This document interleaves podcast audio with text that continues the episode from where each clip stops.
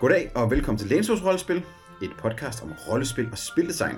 Vi kigger på nyt og gammelt rollespil og taler om de emner, vi synes er mest interessante. Og i dag taler vi om Dungeon Crawl Classics. Jeg hedder Oliver Nøglebæk, og med mig for at diskutere bogen er... Morten Greis. Elias Helfer. og Nis Bakkesen.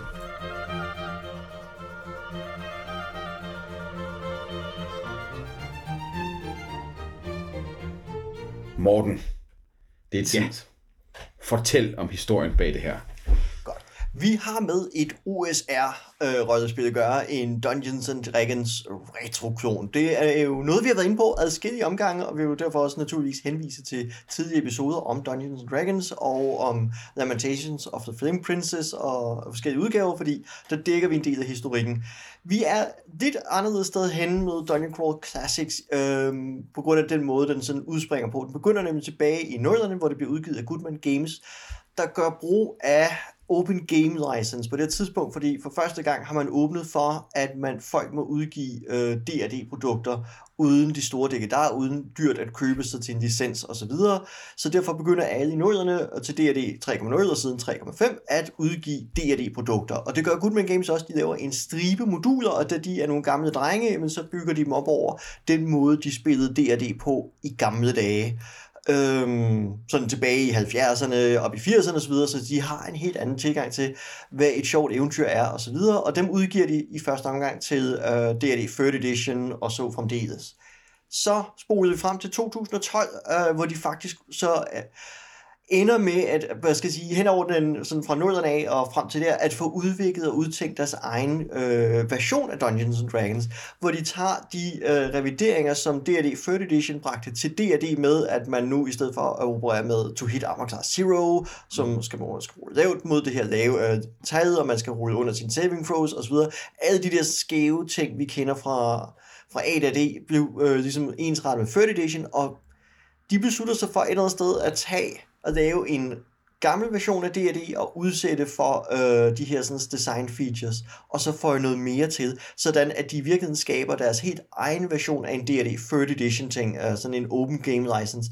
Deres mål er ikke i samme omfang at, at genudgive de klassiske D&D-regler, som Swords and Wizardry, Labyrinth Lord og Lamentations of the Flame Princess gør, men at lave deres helt egen modernisering af et gammelt system. Så det er en, nærmest en alternate 3rd edition som de så gør med en kæmpe udgivelse, nemlig den bog her, den er udgivet af flere omgange forskellige oplag øh, med alternate art covers og PVC-leder, om covers med metalindlæg osv. Den, er, den findes i mange udgaver, og så har de lavet nogle få, få udvidelser til det. Det her det er et rollespil, hvor man fokuserer på scenarier, så der er udgivet en kæmpe serie af moduler til det. En enkelt subsætning, uh, Langmar, de har lige for nylig fået licensen til at udgive i Fritz Leibers univers Langmar med Fafra the Grey Mouser, men ellers så er det næsten altid moduler, moduler, moduler til Dungeon Crawl Classics. Um, så man har en grundbog til hele spillet. Uh, ikke tre bøger, som når vi spiller D&D, uh, øh, men bare en bog, som gør det hele for os. Og det er sådan set baggrunden for Dungeon Crawl Classics. Tak for det. Elias, hvad laver man så i Dungeon Crawl Classics? Jamen altså, Dungeon Crawl Classics er jo i virkeligheden et rimelig... Altså, det er jo, som Morten sagde, hvis man ser det meget højt fra, D&D. Det er øh, eventyr, som går ud på et eller andet eventyr, øhm, og der er mange af de samme klasser. Der er troldmænd og præster og krigere og tyve og harflings og elver og dværge, alle det der fra de gamle. Det er, hvis man ser det i fuld perspektiv. Hvis man zoomer lidt mere ind, så begynder forskellene at melde sig. Det er et system, der fokuserer rigtig meget mere på tilfældighed. For eksempel så starter man med at have fire level 0 karakterer, som er alle mulige sådan helt almindelige mennesker. Det er nærmest nogle klasser, man kunne se i Warhammer, som så dør, og når så man kun måske har en tilbage, som bliver level 1, så spiller man så den karakter. Der er også sådan noget med, at i stedet for at en spil er sådan noget på måske øh, 5-10 linjer, øh, hvor, som altid øh, kan, man, så man kan forudsige, hvordan den fungerer, så øh, ruller man for magi, og der er tilfældige effekter og øh, alle mulige forskellige komponenter på magien. Øh, så, så alle klasserne har ligesom nogle helt særlige systemer, som ligesom gør, at de føles forskelligt. Øhm, så det er sådan en, en, en variant af D&D, øh, der fokuserer meget mere på at være vild og munter, og, og, og altså hvis man sammenligner det igen med sådan noget som, øh, som, som Lamentations of the Flame Princess, så er man mindre kompetent, til gengæld er der mere øh, sjov på en eller anden måde. Ja, Og øh, Nis, vil du øh, fortælle, hvad sådan et digert værk øh, indeholder? Ja, jamen det er netop et digert værk, fordi som Morten sagde, så er den ikke, som det ellers efterhånden er blevet traditionen, fordi det er delt op i flere bøger, men man har en samlet bog, som ligesom skal være både Player's Guide og Dungeon Master's Guide og Monster Manual. Så derfor sidder man også med en solid mobbedreng på 100, 470 sider alt i alt, Um, hvilket også på en eller anden måde er med til at sætte stemningen for det her, fordi det er sådan en, det er sådan en bog, der siger sådan et ordentligt fump, når man, når man sætter den, og som, og som sådan ligner en, ja, en eller anden grimoire eller sådan noget, når man, øh, når man sidder med den i hånden. Så er den, øh, den er rigt illustreret øhm, øh, med, hvad hedder det, med full, øh, ja, full page art og øh, tegninger i marven og øh, små illustrationer i hister her og sådan noget. Og øh, det er værd at bemærke, at det alt sammen er øh, gamle øh, illustrationer af nogle 70'er D&D. Så det er, øh, og, og det er faktisk, det er, det er også illustratorerne, man kender derfra. Så det er sådan nogen som Easley og Holloway og Kovacs og sådan noget, de har fået til at illustrere.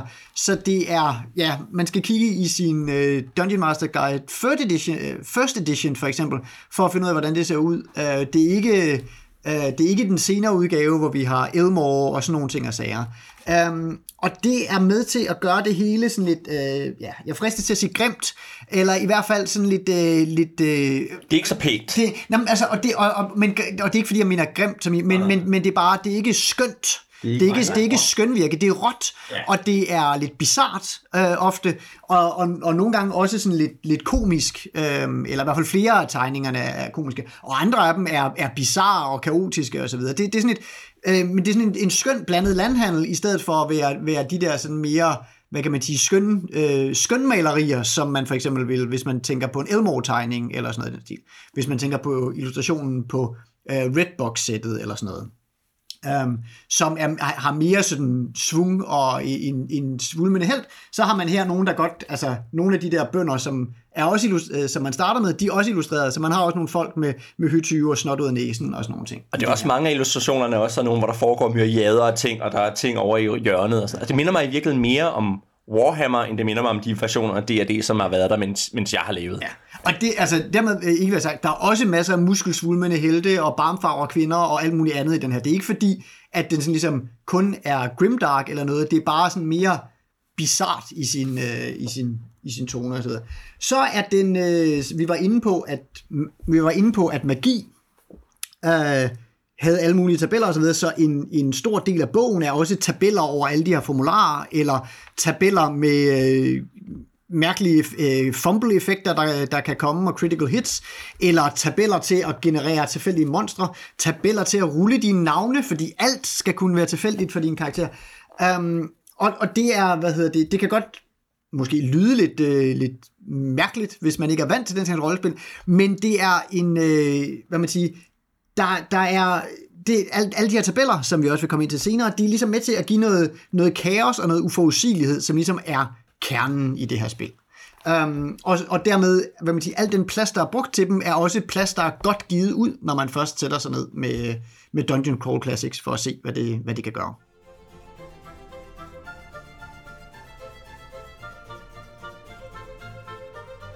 Yes.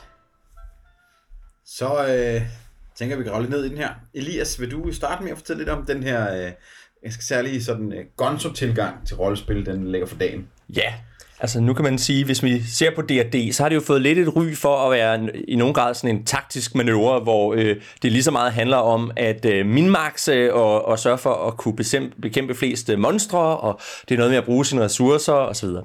Det er der ikke særlig meget af her. Øh, du kan for eksempel ikke planlægge, hvordan din stats er. Du får, du ruller... Øh, Øh, det kunne man høre sidste gang, da vi spillede live. Man ruller øh, fire tilfældige karakterer, og det er simpelthen bare, at du starter fra den første stat og bevæger dig nedad i rækken, og, øh, og så er det lige meget, om din stats passer sammen, og du kan risikere at få en karakter, der har øh, meget lave stats. Sådan er det bare. Suck it up.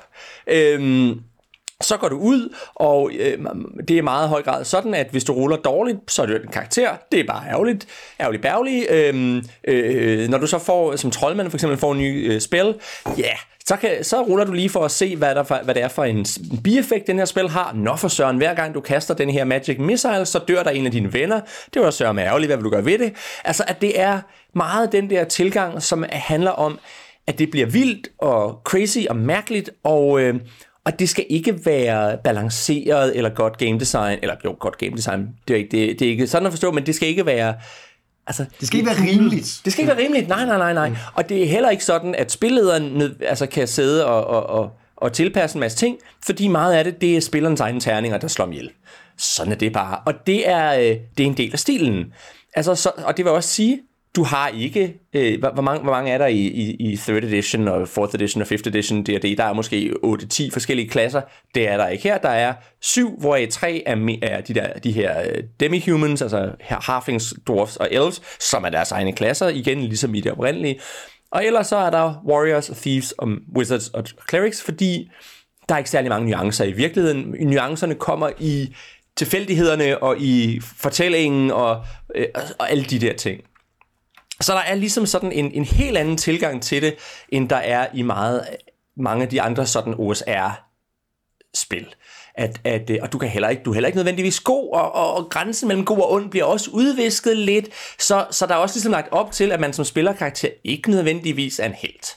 Du kan, det, kan, det kan godt være, at du er sådan lidt blakket, og, og nå ja, og, og, og røver din, din makkers lige, når han er død, fordi nå ja, og, og den der kylling der, den kunne jeg da godt lige bruge, og, og hvad det nu ellers er. Ikke? Så, så der er sådan en stemning i det, som er, er meget anderledes, synes jeg, end mange andre øh, af sådan nogle tilsvarende rollespil noget, der også er sjovt her, det er, hvad skal jeg sige, det strækker sig også videre ud i scenarierne, hvor man, hvad skal jeg sige, at nu kommer I ud på et kæmpe underjordisk hav på en magisk dragebåd osv. Det er meget standard for mange af de her scenarier, at selv på det bare sådan one-shot scenarie som det her, at man kommer til at vandre mellem guder og kigge i de dybeste afgrunde. Altså, der, der er ikke noget med, at man... Det er ikke man... fordi level 1 er, er rundt og prikke gobliner med en spidspind. Nej, nej. nej, nej det stopper ikke en fra at være en episk held. Nej, det er nemlig det, at, at man når toppen allerede i sin level 0 og sin level 1 eventyr, men det er ikke noget med, at vi skal skal spille en kampagne fra level 1 til level 15, og omkring level 14-15 begynder vi at møde guder. Nej, det kommer med det samme. Men faktisk, der står jo også, at, at ved level 5, så er man, hvad, hvad det står, once in a generation, eller sådan noget i den stil, ikke? At, at, mm. at de forventer i virkeligheden ikke, at man bliver særlig højt level. Nej, nej er, der er jo level 5 af det max øh, i grundbogen, hvis I kan se. Ja, og som jeg husker det, så er der heller ikke udgivet, altså nej. systemet går op til level 10 eller sådan noget i den ja. stil, og der er udgivet level scenarie op til level 6, hvis jeg husker ja. ret. Um, så, så det er det, de fleste kommer til at ligge og spille de der level 0-3, og det er der spillet generelt ligger. Men i virkeligheden tænker jeg heller ikke, at så meget... Jo, altså fra level 0 til level 1 sker der rigtig meget, men som jeg lige kunne se det, så er det ikke fordi, at forskellen mellem, mellem level 1 og 2 er, at du får flere hitpoints, og det gør en stor betydning, ja. men, men derudover er det ikke sådan vanvittigt. Men, men der er, mærkbare, der er mærkbare bonusser i den, ikke? Altså, der er plusser rundt omkring, masser af ja. plusser, der akkumulerer sig i løbet af dem. Og det er ikke bare ligesom i D&D, hvor du får plus til én ting for hver level, og så må du ligesom vente til næste gang, du på level med, for ja. den anden ting, du har så Her er det sådan, alting kommer flydende i en, en lindstrøm, når du siger ja. det, ikke? Jo, jo, og, og med Spellcasters har jo den sædvanlige med, at for adgang til nye spells er nye øh, nye muligheder, der åbner sig, og i det her sammenhæng jo så også nyt kaos og nyt øh, ja. øh, nye spektakulære, øh, bizarre sideeffekter af, af magi og så videre. Ikke? og krigerne avancerer op gennem de forskellige critical hit-tabeller, så de ja. kommer til at rulle på stadig sejre tabeller. Ja. ja. Myrde vildere. Ja. Og ja. Men og det er jo også igen et, et godt, altså de her critical, critical hit-tabeller og så videre. Ikke? Der er tonsvis af tabeller, som giver bizarre og crazy effekter, og, og jeg tænker, det er noget af det, der er det fede ved det også, det er at få lov til at sige, åh, oh, nu rullede jeg min D-terning, og jeg fik en critical hit, og nu... Wow. Men, det, men jeg tror faktisk, altså, vi snakker meget om, om udforskning i forhold til scenarier, øh, om det er kort, øh, om det er sådan, altså er det, er det location-based adventure, hvad er det her? Det her er et øh, random table exploration game. Du spiller for at få lov til at rulle noget nyt på tabellen, og opleve nogle flere og flere aspekter af tabellen. Du, du, det er rigtig meget en emotion for, for gameplayet er at komme ind og få lov til at rulle på de tabeller og se, hvad der sker, når du på den åndsvage tabel, vi har kigget på, og som ting og sager. Ikke? Altså, det er det, det, er det exploration også ligger, udover i de der reelle dungeons, man løber rundt i. Så er der også bare sådan, hvor kan jeg komme til for den her magi hen? Ja, og det, og det var jeg godt lide tabellerne, at de på en eller anden måde feeder tilbage i spillet, fordi de skaber nu situationer, ja. øh, hvor vi lige pludselig har en situation, der var uforudset, fordi formularen eller den mægtige gerning, du begik, eller bedrift, du begik, åbner for en helt ny situation, mm. som vi så forholder os til og spiller henover. Så jeg kan rigtig godt lide den måde, at de kommer tilbage ind i vores fiktion og gør noget nyt sjovt for os. Jeg kan jo også godt lide, at nu var jeg jo troldmanden i vores prøvespil, det der med, jeg ved faktisk ikke helt, hvad effekten af min spil bliver. Mm. Altså selv hvis jeg klarer det, så er der flere forskellige øh, grader af succes, og jeg havde jo en spil, som måske giver mig infravision, måske beskytter den mig imod øh, gaze weapons, og måske gør den, at jeg øh, forsager frygt. Vi må se, hvad det er, jeg får. Øh, Ja, det er ikke nogen lineær skala eller noget som helst. Nej, nej. Ja. En anden ting, som jeg også synes er meget sjov, og jeg ved ikke, det kom lidt til udtryk i vores, i vores testspil, men ellers jeg har jo spillet det her før, også med Morten som GM og så videre, og det er fordi man starter med de der fire karakterer. Ikke? Så starter man, og det kan meget nemt være fire relativt ens bønder, um, så for at man kan spille dem bare sådan nogenlunde, altså, så- og selvfølgelig bliver det også sådan lidt, øh, hvad kan man sige, squat-based, at man lige siger, "Ah, okay, så angriber den, og så angriber den, og så angriber den. Men hvis man gerne sådan vil lidt påtage sig sin karakter og så videre, så bliver man også nødt til at skære dem meget hårdt. Ikke? Altså, så meget hurtigt får ens ligegyldige bunde et eller andet karaktertræk, der gør, at når jeg skal spille den her karakter, så tager jeg den her hat på. Ikke? Så min, det her, okay, min åndssvage øh, øh, bonde, som var enormt glad for sin høne, og lod den tage hans beslutninger. Ikke? Altså, fordi det var ligesom en måde at sætte den her karakter i spil på, som jeg kunne skælne ham for de fire andre karakterer, jeg skulle have styr på i starten.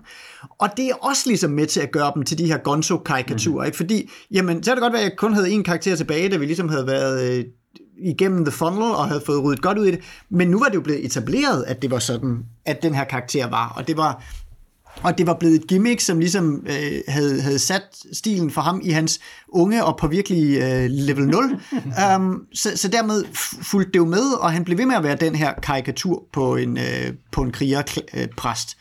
Um, og det er også, synes jeg, en væsentlig del af stemningen, at man ligesom, man får, fordi man skal sætte sine karakterer, ligesom ja. rise dem hårdt op, så får man meget hurtigt noget ud af de her lidt, ellers lidt ligegyldige statblokke, man har slået op. Altså, det, det kunne meget nemt blive sådan en ligegyldig øvelse at have de, der, øh, have de her fire tilfældige karakterer, man har lavet. Men, men på en eller anden måde, fordi man godt ved, at der skal være et udvidelsesløb, så synes jeg, at, at man, man præger dem meget hurtigt, og man, man bliver glad for den, der man havde slået gode stats, og bliver lidt ked af det, når, den, når den person så fejler et save og dør. Så tænker jeg også, at man, man præger dem også med den alignment, man giver dem. Og der, der synes jeg, det er interessant, at du har de her tre alignments, lawful, chaotic og neutral. Men, men både lawful og chaotic er sådan set mulige, og neutral er ikke bare neutral. Altså fordi, jo jo, det betyder, at du ikke har taget stilling mellem lov og kaos, men der står også, det kan også betyde, at du i virkeligheden holder med dem, som var der før lov og kaos blev en ting, som er Cthulhu. Ja. Så det vil sige, at, at uh, uanset hvad for en alignment du vælger, så peger du i retning af noget umenneskeligt på en eller anden måde. Ikke? Øhm, Og ekstremt. noget ekstremt, ja lige præcis. Jo, det er meget sigende for universet, at, ja, at neutral er ikke bare naturen, det er også det unaturlige, der kom før, øh, før verden på en eller anden måde. Netop de der kutuluide guder.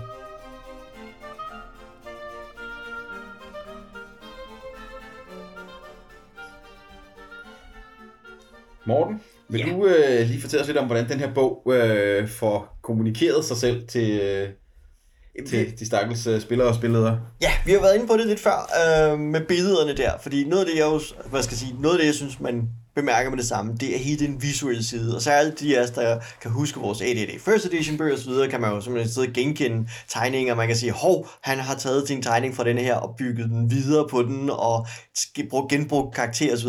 Der er hele det her sådan, øh, måde at bringe det tilbage på, at at der er store dele af spillet, der bliver fortalt gennem billeder, altså det vil sige, hvor vi ikke har setting-tekst, men vi har øh, billeder, billeder og billeder, og det vil sige, der er jo hele afsnit i bogen, som jo ikke er meget andet end billeder, og teksten, der er samlet rundt om billederne. Så den måde, så, hvad skal jeg sige, så er den visuelle side en stor del af, hvordan det her spil bliver fortalt. Øhm, og, ja, og det, og det er jo mange forskellige stemmer, og det er jo også noget af det, der er noget spændende, det er, at de er alle sammen, hvad skal jeg sige, lidt mere rå i det, det er alle sammen sorte, sort tegninger, eller næsten udelukkende sort tegninger, men i forskellige hænder og forskellige stilarter, som et eller andet sted fortæller os lidt om bredden, der ligger øh, tankegangen om, hvor bredt øh, det her skal fagne inden for sin gren af fantasy. Og det er en fantasy, hvor mennesker ligner mennesker væsentligt mere, end øh, de gør i meget moderne D&D og Pathfinder. Altså, de, vi har ikke de her sådan, øh, muskelbunder i, i funklende rustninger osv., der stråler af trolddom og overnaturlige øh, ting. De er langt mere jordnære, og det synes jeg er ret spændende i virkeligheden, at, at jeg kan nemmere identificere mig med dem her, end mange af de karakterer, jeg ser i Pathfinder for eksempel. Jeg synes også, øh, sådan, så nu lige, vi er lige får lov til at komme ind her mm. med noget, øh, noget nørderi, ikke? fordi de er så skitseret alle sammen, de, øh, de er alle sammen meget skitserende i stilen. Proportionerne er wonky af helvedes til. Øh, kompositionerne er ikke nødvendigvis de mest sådan balancerede og, og fornuftige ting at sige. Øh, altså design, karakterdesignet er sådan lidt random og ting at sige. Alt er sådan lidt wobbly, men det er alt sammen udført med en meget selvsikker øh, sort-hvid streg, som også er rigtig meget af det, som jeg synes sådan kun, kun, øh, som beskriver spillets egen tilgang til tingene. Ikke? Den, den er sgu lidt wonky og weird, men den gør det med en meget selvsikker streg, og, og, den, og den går all in på, jamen det behøver ikke at være pænt, det behøver ikke at være velkomponeret og, øh, og gennemtænkt for at være en fed, stemningsfuld oplevelse. Og jeg synes faktisk, at illustrationerne øh, sådan, som, som illustrationer fungerer rigtig godt i, øh, i måden, de er lavet på. Ja. Og noget af det, jeg også synes er sjovt, det er jo så den, den måde, teksten taler til os på, fordi den kører med jo en enorm bevidsthed om, at den er skrevet op i forhold til D&D. Altså, der er flere afsnit, der jo handler om at sige, jamen, du kender godt D&D, eller der er et af de indledende afsnit fortæller os, du kender allerede D&D, øh, så her er forskellene mellem vores fantasy D&D øh, udgave her, og det D&D, du normalt kender. Her adskiller det sig, her er forskellen i reglerne. Og andre afsnit går jo netop ind og siger, normalt så plejer det jo karakterer sådan her. Vi anbefaler, I prøver at gøre det sådan. Ikke? Altså det er en bog, der taler til os og fortæller os, vi ved sgu godt, hvad det er, det er i forvejen. Det her er ikke et rollespilsystem for folk, der ikke har spillet rollespil før. De kan nemt gå til det. Det virkede ret nemt at sætte sig ned og spille det her i forhold til øh, at være helt nye rollespillere. Men det sjove er et andet sted, at den skriver så til erfarne rollespillere, og den ved i virkeligheden, at det der, den går op ad bakke, fordi nu skal den til at få folk til at prøve en helt ny måde at gå til fantasy på, hvor de ikke kan gå ind og designe deres karakterer, som de er vant til at sidde og fordele skill points og feeds, og sidde og optimere deres ability score, så siger man, så skal jeg have en 17 her, jeg skal have en 18 her, og så videre. Nu skal man til at spille karakterer, hvor gennemsnitsstatsen er sådan omkring en 10-11 stykker, og man skal acceptere adskillige minuser rundt omkring.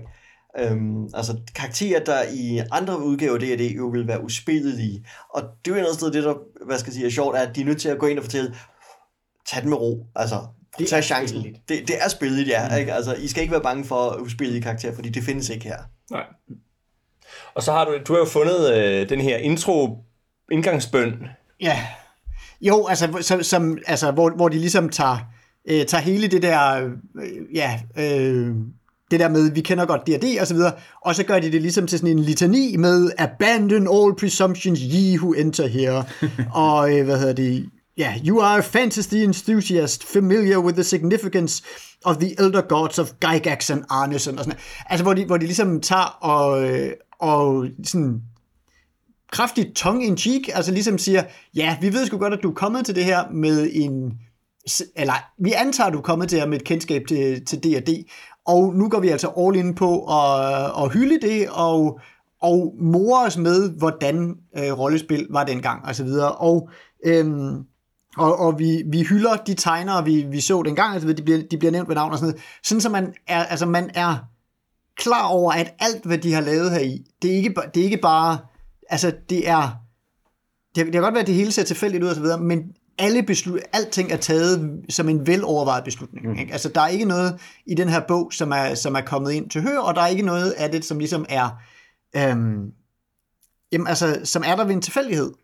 At, de, at på trods af, hvor meget kaos der ellers er i det, så er det ligesom, de ved godt, hvad de har lavet. Og det skinner enormt godt igennem, og er også med til at give en sådan den der øh, fornemmelse af, at jeg vil godt stole på dem. Okay, mm. når, når, I nu har, når I nu har taget det så meget på jer, det her, og I, og I nu stopper op under karaktergenerationen og siger, ja, vi ved godt, at det her det er det første, I alle sammen laver om, det er, hvordan man ruller karakter. Prøv nu lige at gøre det på den måde. Mm. Så er det ligesom om, at så, så stoler man på, okay, de har, de har skulle spillet det her i, i nok mm. år til, der er nok et eller andet her. Ikke? Og når jeg nu har valgt at samle den her bog op frem for alt muligt andet, så skulle jeg sgu nok gøre det, som de siger.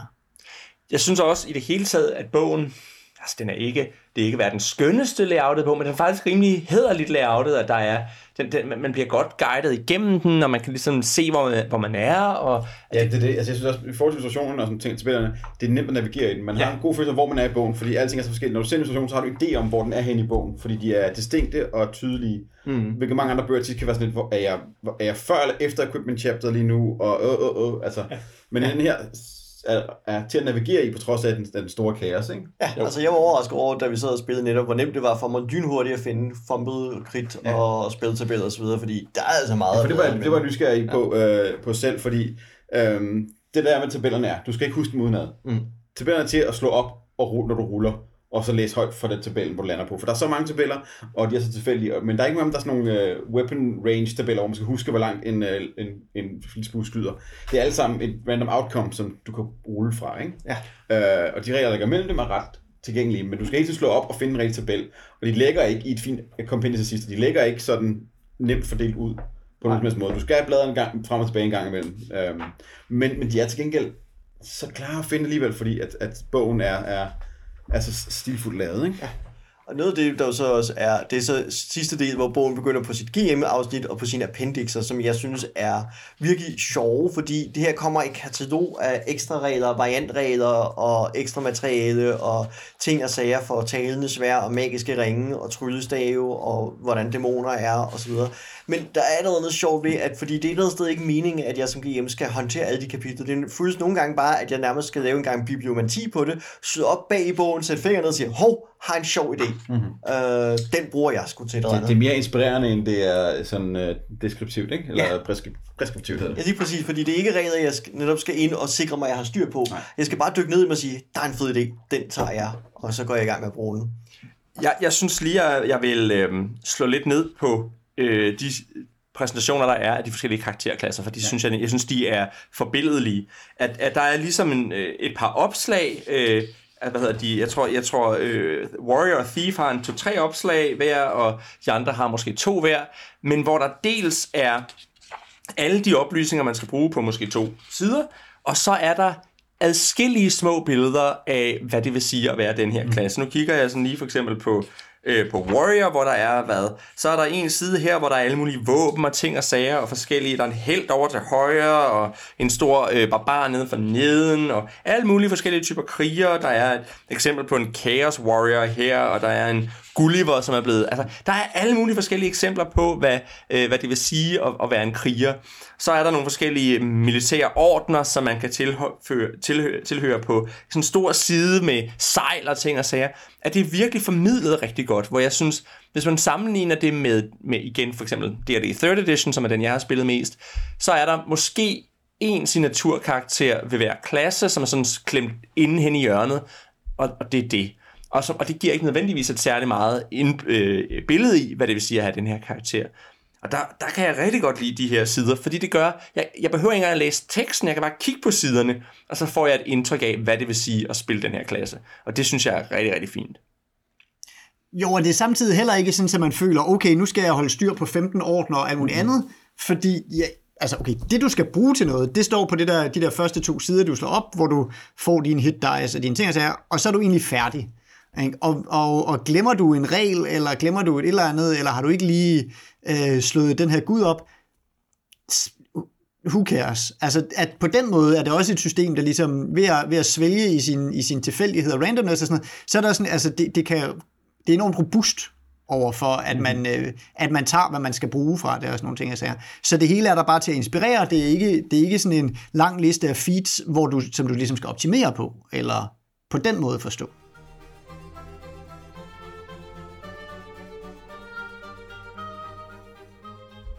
Godt. Øh, Nis, vil du så ikke øh, lige få os ind på det sidste emne, som er øh, den helt særlige stemning, som det her spil lægger op til? Ja, jamen, øhm, altså i virkeligheden har vi jo snakket meget om stemning ja. allerede, fordi vi har snakket om illustrationer, og vi har snakket om, øh, om Gonzo spillestilen osv. Så, så derfor vil jeg måske pege et lidt andet sted hen her til sidst på stemningen, nemlig at øh, en af de væsentligste referencer for den her bog, når den ligesom, som sagt, tager den her forfatterstemme på sig og fortæller, hvad det er, den gerne vil, det er, at den har et såkaldt Appendix N.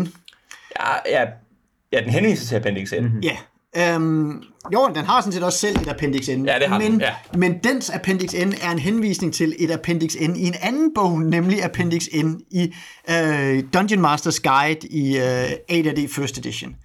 Um, som er der, hvor Dungeon Master's Guide har sin bibliografi, primært.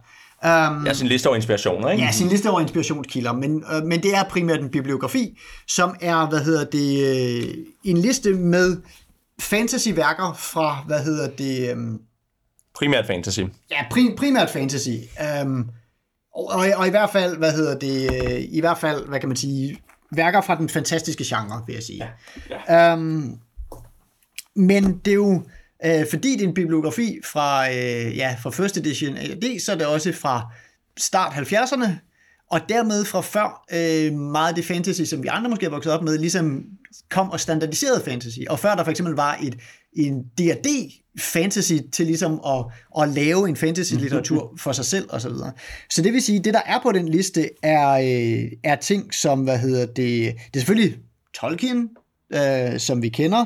Det er, hvad hedder det, det er Jack Vance, som er en stor indflydelse, og hans Dying Earth, som er en enorm indflydelse på hele magisystemet og fortolkning af magi.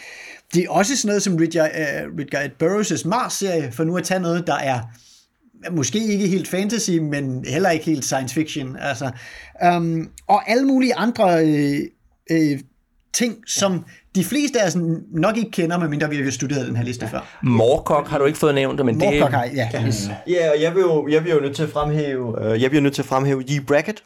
Lee Brackett's sidste værk var jo Empire Strikes Back. Okay. Det, det var det sidste, hun skrev uh, manus til.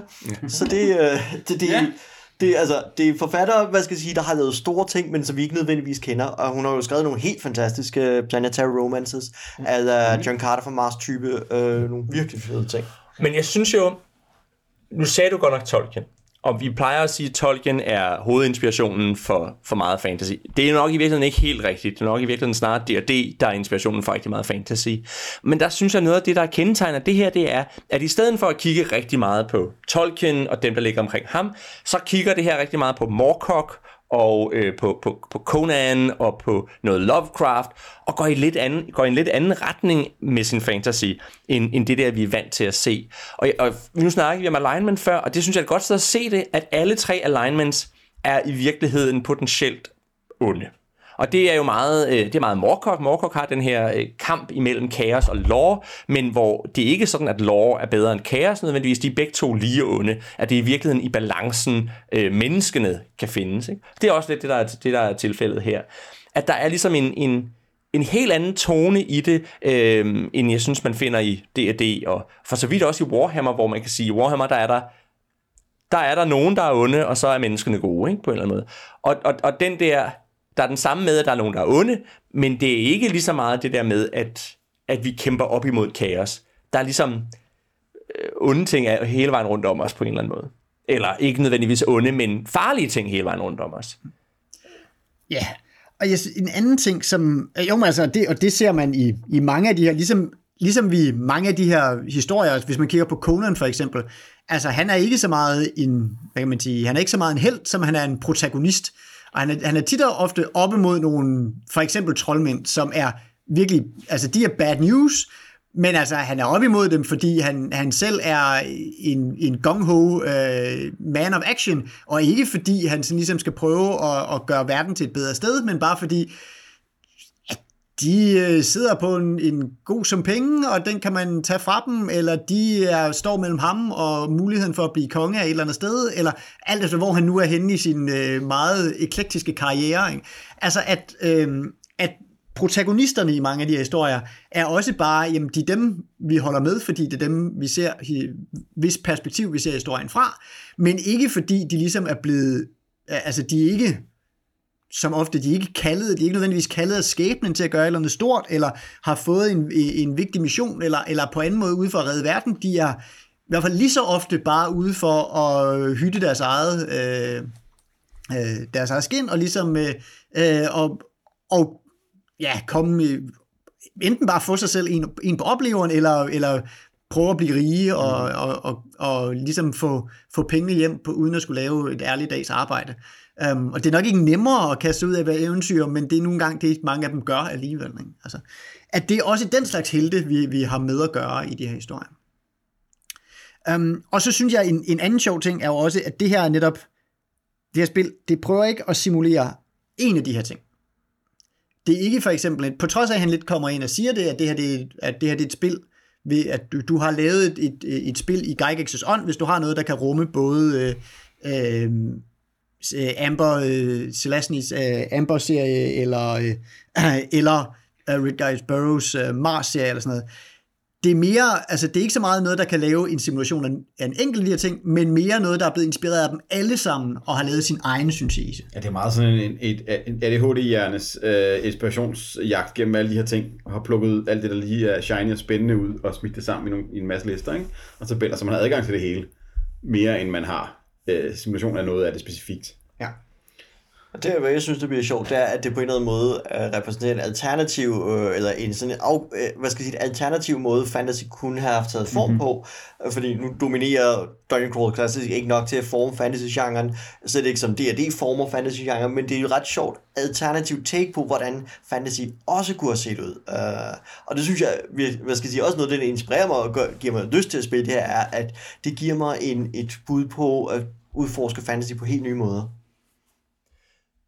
Så er der et aspekt af det, som, som vi ikke er kommet så meget ind på, men det er, at det, det, det har sådan en vision af, hvad det vil sige at være middelalderlig. Ja. Altså, hvor man kan sige, i virkeligheden tror jeg meget, at det er det, nu ved jeg ikke, om I er enige, men, men jeg vil virkelig sige, at det er mere måske renaissance, end det er middelalder. Her er der en vision af en middelalder, og middelalder vil sige, at øh, man kan ikke rejse særlig meget, og man har en meget lille horisont. Så for eksempel sådan noget med, at at, at det tager lang tid at flytte sig, og det, det er besværligt og farligt. Øh, man kender måske i virkeligheden kun øh, de 100 km i hver retning rundt om sin landsby, hvis man kender så langt. Og det vil også sige, drager er ikke sådan noget, hvor der er 50, 100, 200, 400 drager i verden. Man kender én drage, så det vil sige, at man taler aldrig om en drage, man taler om dragen. Øhm, eller, eller det kan også være sådan noget med, jamen der, der er der er en borg, og, øh, og, og det er så den borg, man forholder sig til i første omgang, fordi det er, det er den ene borg, eneste borg, man nogensinde har set. Ja, der har den sådan en lidt sjov ting, men den siger, at du må aldrig kalde et monster ved dets, ved dets navn. Du må aldrig omtale det som en ork. Du skal beskrive, det, øh, beskrive tingene, som, som, som de fremtræder på spillerne. Ikke? Så vil sige sådan et eller andet øh, grønhudet, øh, ludende væsen. Ting, ja. Men samtidig så har jeg set også noget, at det kan godt være, at der, der, bare er en, der er Minotauren. Øh, ja. som, som, som, så hvis der er en, så den kun har et navn, men så er det et, et enkeltstående mytologisk monster mere, end det er en... Øh, det er ikke fordi Manticore er en beskrivelse af en bestemt type race monster. Nej, nej. Der er The Manticore, som er den ene udgave af dem, der er. Ikke? Øhm. Og, og der, for, at, for så, at, øh, at spillerne ikke så har en forventning om, hvad det vil sige, så er der jo en tabel, hvor man kan rulle tilfældige karakteristika for et monster. Så det vil sige, at du tager i virkeligheden er orken, jeg mener faktisk ikke, at der er en ork i, øh, i beskrivelsen, det kan jeg ikke huske, om der er. Men i hvert fald, hvis du så tager en goblin for eksempel, så ruller du på den her, de her tabeller, og så siger man, jamen, øh, det her er en goblin, men den er lilla, og den taler med telepati, og den øh, har fire arme. Altså, så man, så man siger, mm-hmm. sådan er gobliner her hos os. At, at man ligesom tilpasser monstrene til sin øh, verden. Og, og det er jo også med til at gøre verden uforudsigelig og ukendt. At du, du kan ikke regne med, at bare fordi jeg har læst monstermanualen, så ved jeg, hvordan alle monsterne fungerer. Og det gør jo også, at, at hver gang du spiller Dungeon Crawl Classics, så er du nødt til at nulstille dine forventninger. Og det, det gør jo, at man kan få den der øh, opdagelse, gå på opdagelse, ikke? man kan få den der øh, fornemmelse af, gud, når det er sådan tingene fungerer. Og det er også det sjove ved netop at kigge i scenarierne, hvad vi så i god grund ikke har gjort her, men men når man kigger i dem, så hver eneste gang, der er en magisk ting, så er der altid en ny magisk ting. Det er ikke en magisk ting, der bliver refereret til side et eller andet i grundbogen. Nej, den bliver fuldt ud beskrevet her, fordi det er altid en helt ny, unik magisk mm-hmm. ting. Og, og det samme med monstre. Øh, modulerne, monstre, hvad skal jeg sige, bruger næsten altid nye monstre, eller bruger faktisk meget konsekvent nye monstre hver gang. Øhm, der er ikke noget, der bliver henvist til grundbogen, de står altid som nye ting. Så, så det er netop, hvad skal jeg sige, de, gennem, hvad skal, de følger selv op på, på den, den tankegang i deres egne udgivelser, og det gør de meget, meget konsekvent jeg synes, øh, der er interessant uh, ting ved det der med monsterne, særligt, og med magiske items, som er, at uh, for at føle, man har en kontrol som spiller i den her, nu, vi, da vi spillede, vi rigtig meget speedrun igennem, ja. for at mm. demonstrere, hvad spillet kan. Så det, det vil jeg ikke påstå er repræsentativt for, hvordan man, man, man, man bør, eller hvordan man kan spille spillet, for gerne vil have en chance for, at øh, små mænd overlever øh, så længe som muligt. Ikke? Men, så, men der bliver det en, en dialog mellem spiller og spilleder i højere grad, kan jeg forestille mig, hvor man prøver sig frem langsomt og spørger ind til clues og lytter ved dørene og øh, prøver at lugte, hvad der lugter af og sådan ting og sager, på en måde, som vi ikke havde, havde, havde tid til at udforske, at vi skulle engagere os med systemet her øh, den her gang. Og der tror jeg, altså, altså det der med, at man ved ting er roligt tilfældigt, så man er ligesom nødt til at lure, hvad det så betyder, øh, når man, hvis man skal slås med nogen, eller om det kan betale sig at slås med dem, eller om det er bedre at gå udenom. Ikke? Øh, fordi, fordi man ikke kan regne med, at, at man har noget foregående viden, som på metalag, som er brugbar. Øh. Men det er så også der, hvor jeg tror, man skal i, nogen grad også øh, forhandle, havde altså, eller man skal ligesom blive enige med gruppen ja. om, hvordan det er, hvad jeg gør. Fordi det, jeg jo pludselig opdagede, det var, at jeg havde forventet, at det var sådan en hack slash ting, hvor det pludselig viste sig, at, at det ofte bedre kunne betale sig at, at, be, at betragte selv kampe som gåder. Mm. Altså, at, at hvor, nå for pokker, vi kan måske faktisk komme udenom kampen her, og det er faktisk en okay ting at gøre nogle gange, at, at, at gå udenom kampen. Og ja. det tror jeg også, det er også en, en hvad hedder sådan noget, en, en, øhm, en samtale, man skal have på en eller anden måde, eller det er sådan noget, man skal ligesom, en forventningsafstemning, man skal have, og sige, nå, okay, der vil typisk være en smartere måde at gå omkring det, end bare at baller frem over stepperne og gå i clinch.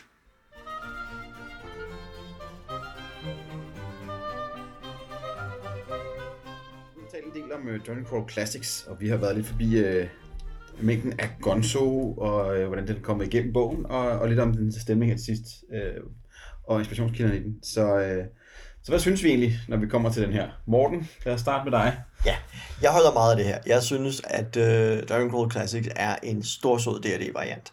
Det, øh, det er en D&D-variant, jeg synes særligt egner sig til øhm, kortere forløb. Altså det her er ikke noget, jeg forestiller mig at køre i en 20-session lang kampagne. Det her er noget, hvor, hvad man også kunne se med vores speedrun var, at vi kunne faktisk på få timer jo lave karakterer og spille det meste af scenarie Øhm, på meget, altså på hvor folk normalt bruger jo, hvad skal jeg sige, en aften på at lave karakterer, så kunne vi nu lave karakterer og spille det meste af et eventyr i samme tidsrum.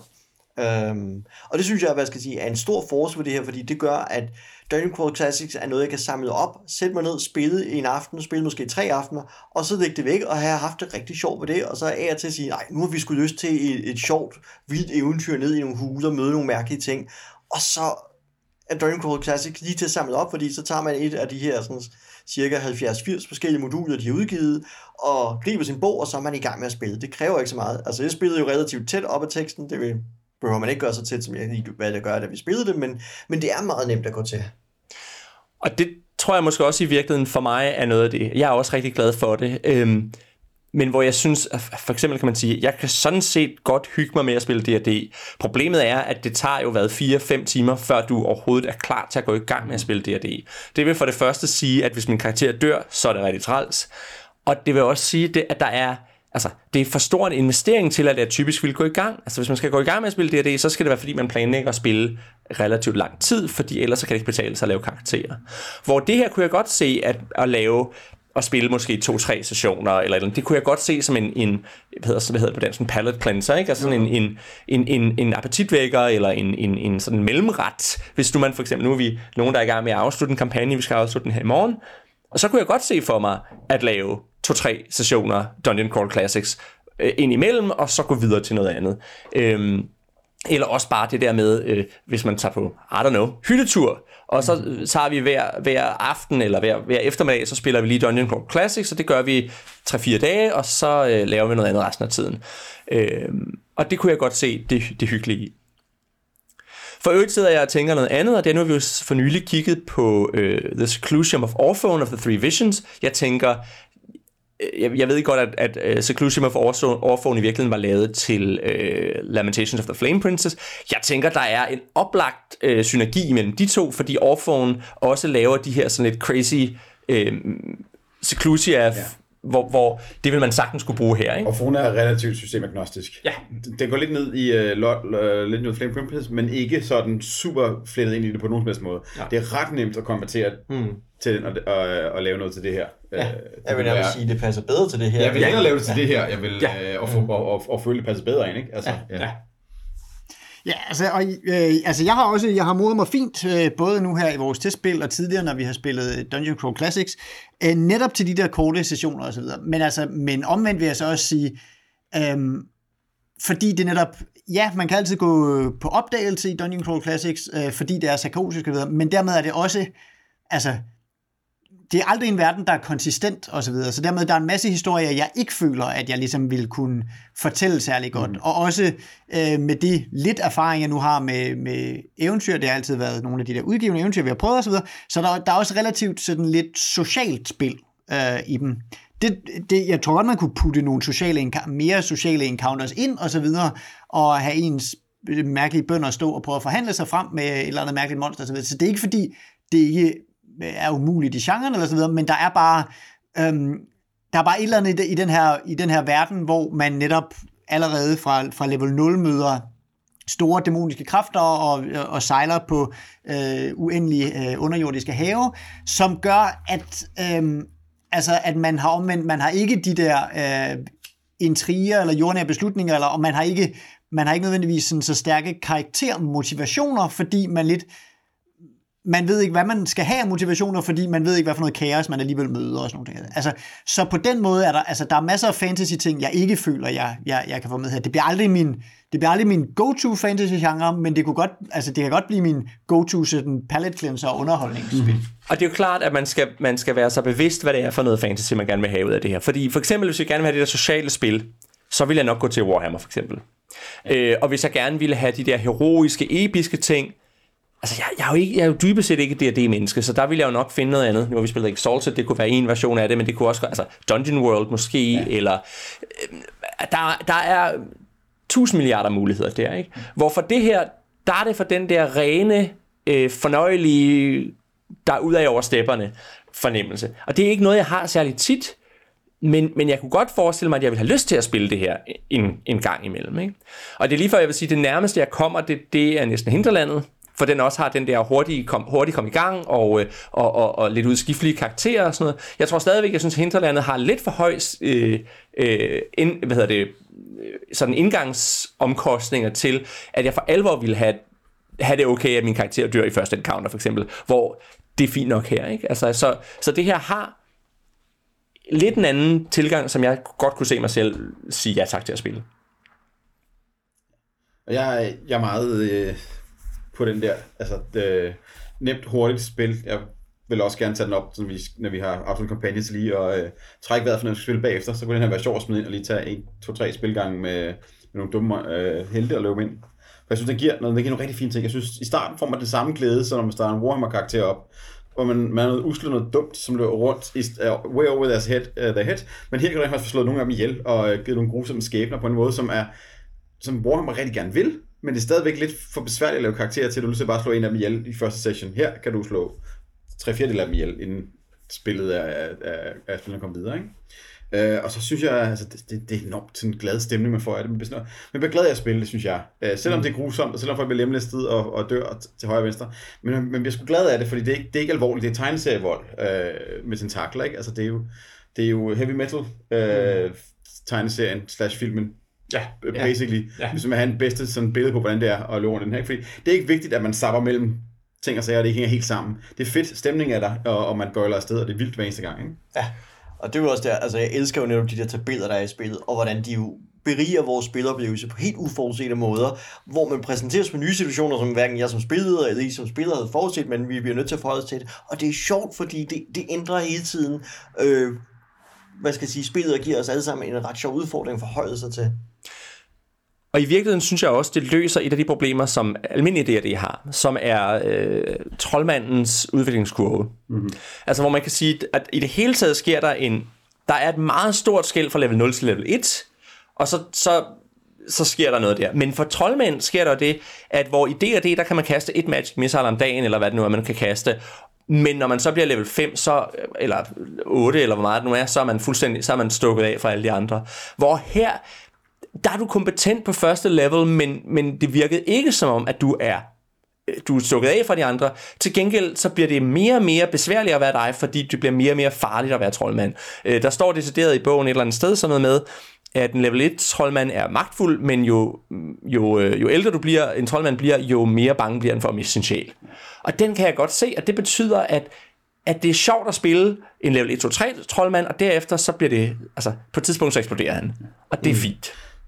Jeg vil også lige igen, øh, jeg spillede øh, Warrior i den her, jeg synes, den har den bedste mekanik til at få folk til at fortælle fede ting ind, når de slås. I stedet for bare at sige, at jeg slår ham med mit svær. Den der deep dive, hvor man har en chance for at gøre noget ekstra sejt, så fortæller, at man gør det, er bare den nemmeste måde at købe, købe øh, øh at få en spiller til at investere sig i at fortælle noget mere om, hvad man gør. Ikke? Fordi det er sjovt at prøve at takle øh, øh, monsteren, når det har en spilmekanisk effekt. Det behøver ikke være hver gang, men der er en chance for, at du gør noget sejt, og du får rulle på en tabel. Ikke? Øhm, sådan nogle små ting, det der, er, synes jeg, den, den er rigtig god til at bruge som incitamenter til, at folk øh, spiller med og, og, og, og har lyst til at lege. Ikke? Mm.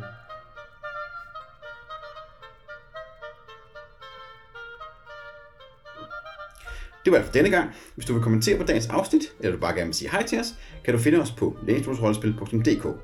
Du kan også finde os på Facebook, hvor vi er Lænestorsrollespil, eller du kan skrive til os på kontakt Vi er Morten Greis. Elias Helfer. Nis Bakkesen. og Oliver Nøglebæk. Tak for denne gang, og vi håber, vi lytter med næste gang. Og nu skal du tage et willpower save, for du lytter til et helt afsnit. Og hvis du fejler, skal du rulle en D14 på tabel 7-4, for at se, hvad bieffekterne er for at lytte. Og øh, pro tip, hvis du ikke er glad for tentakler, skal du nok rulle over 6.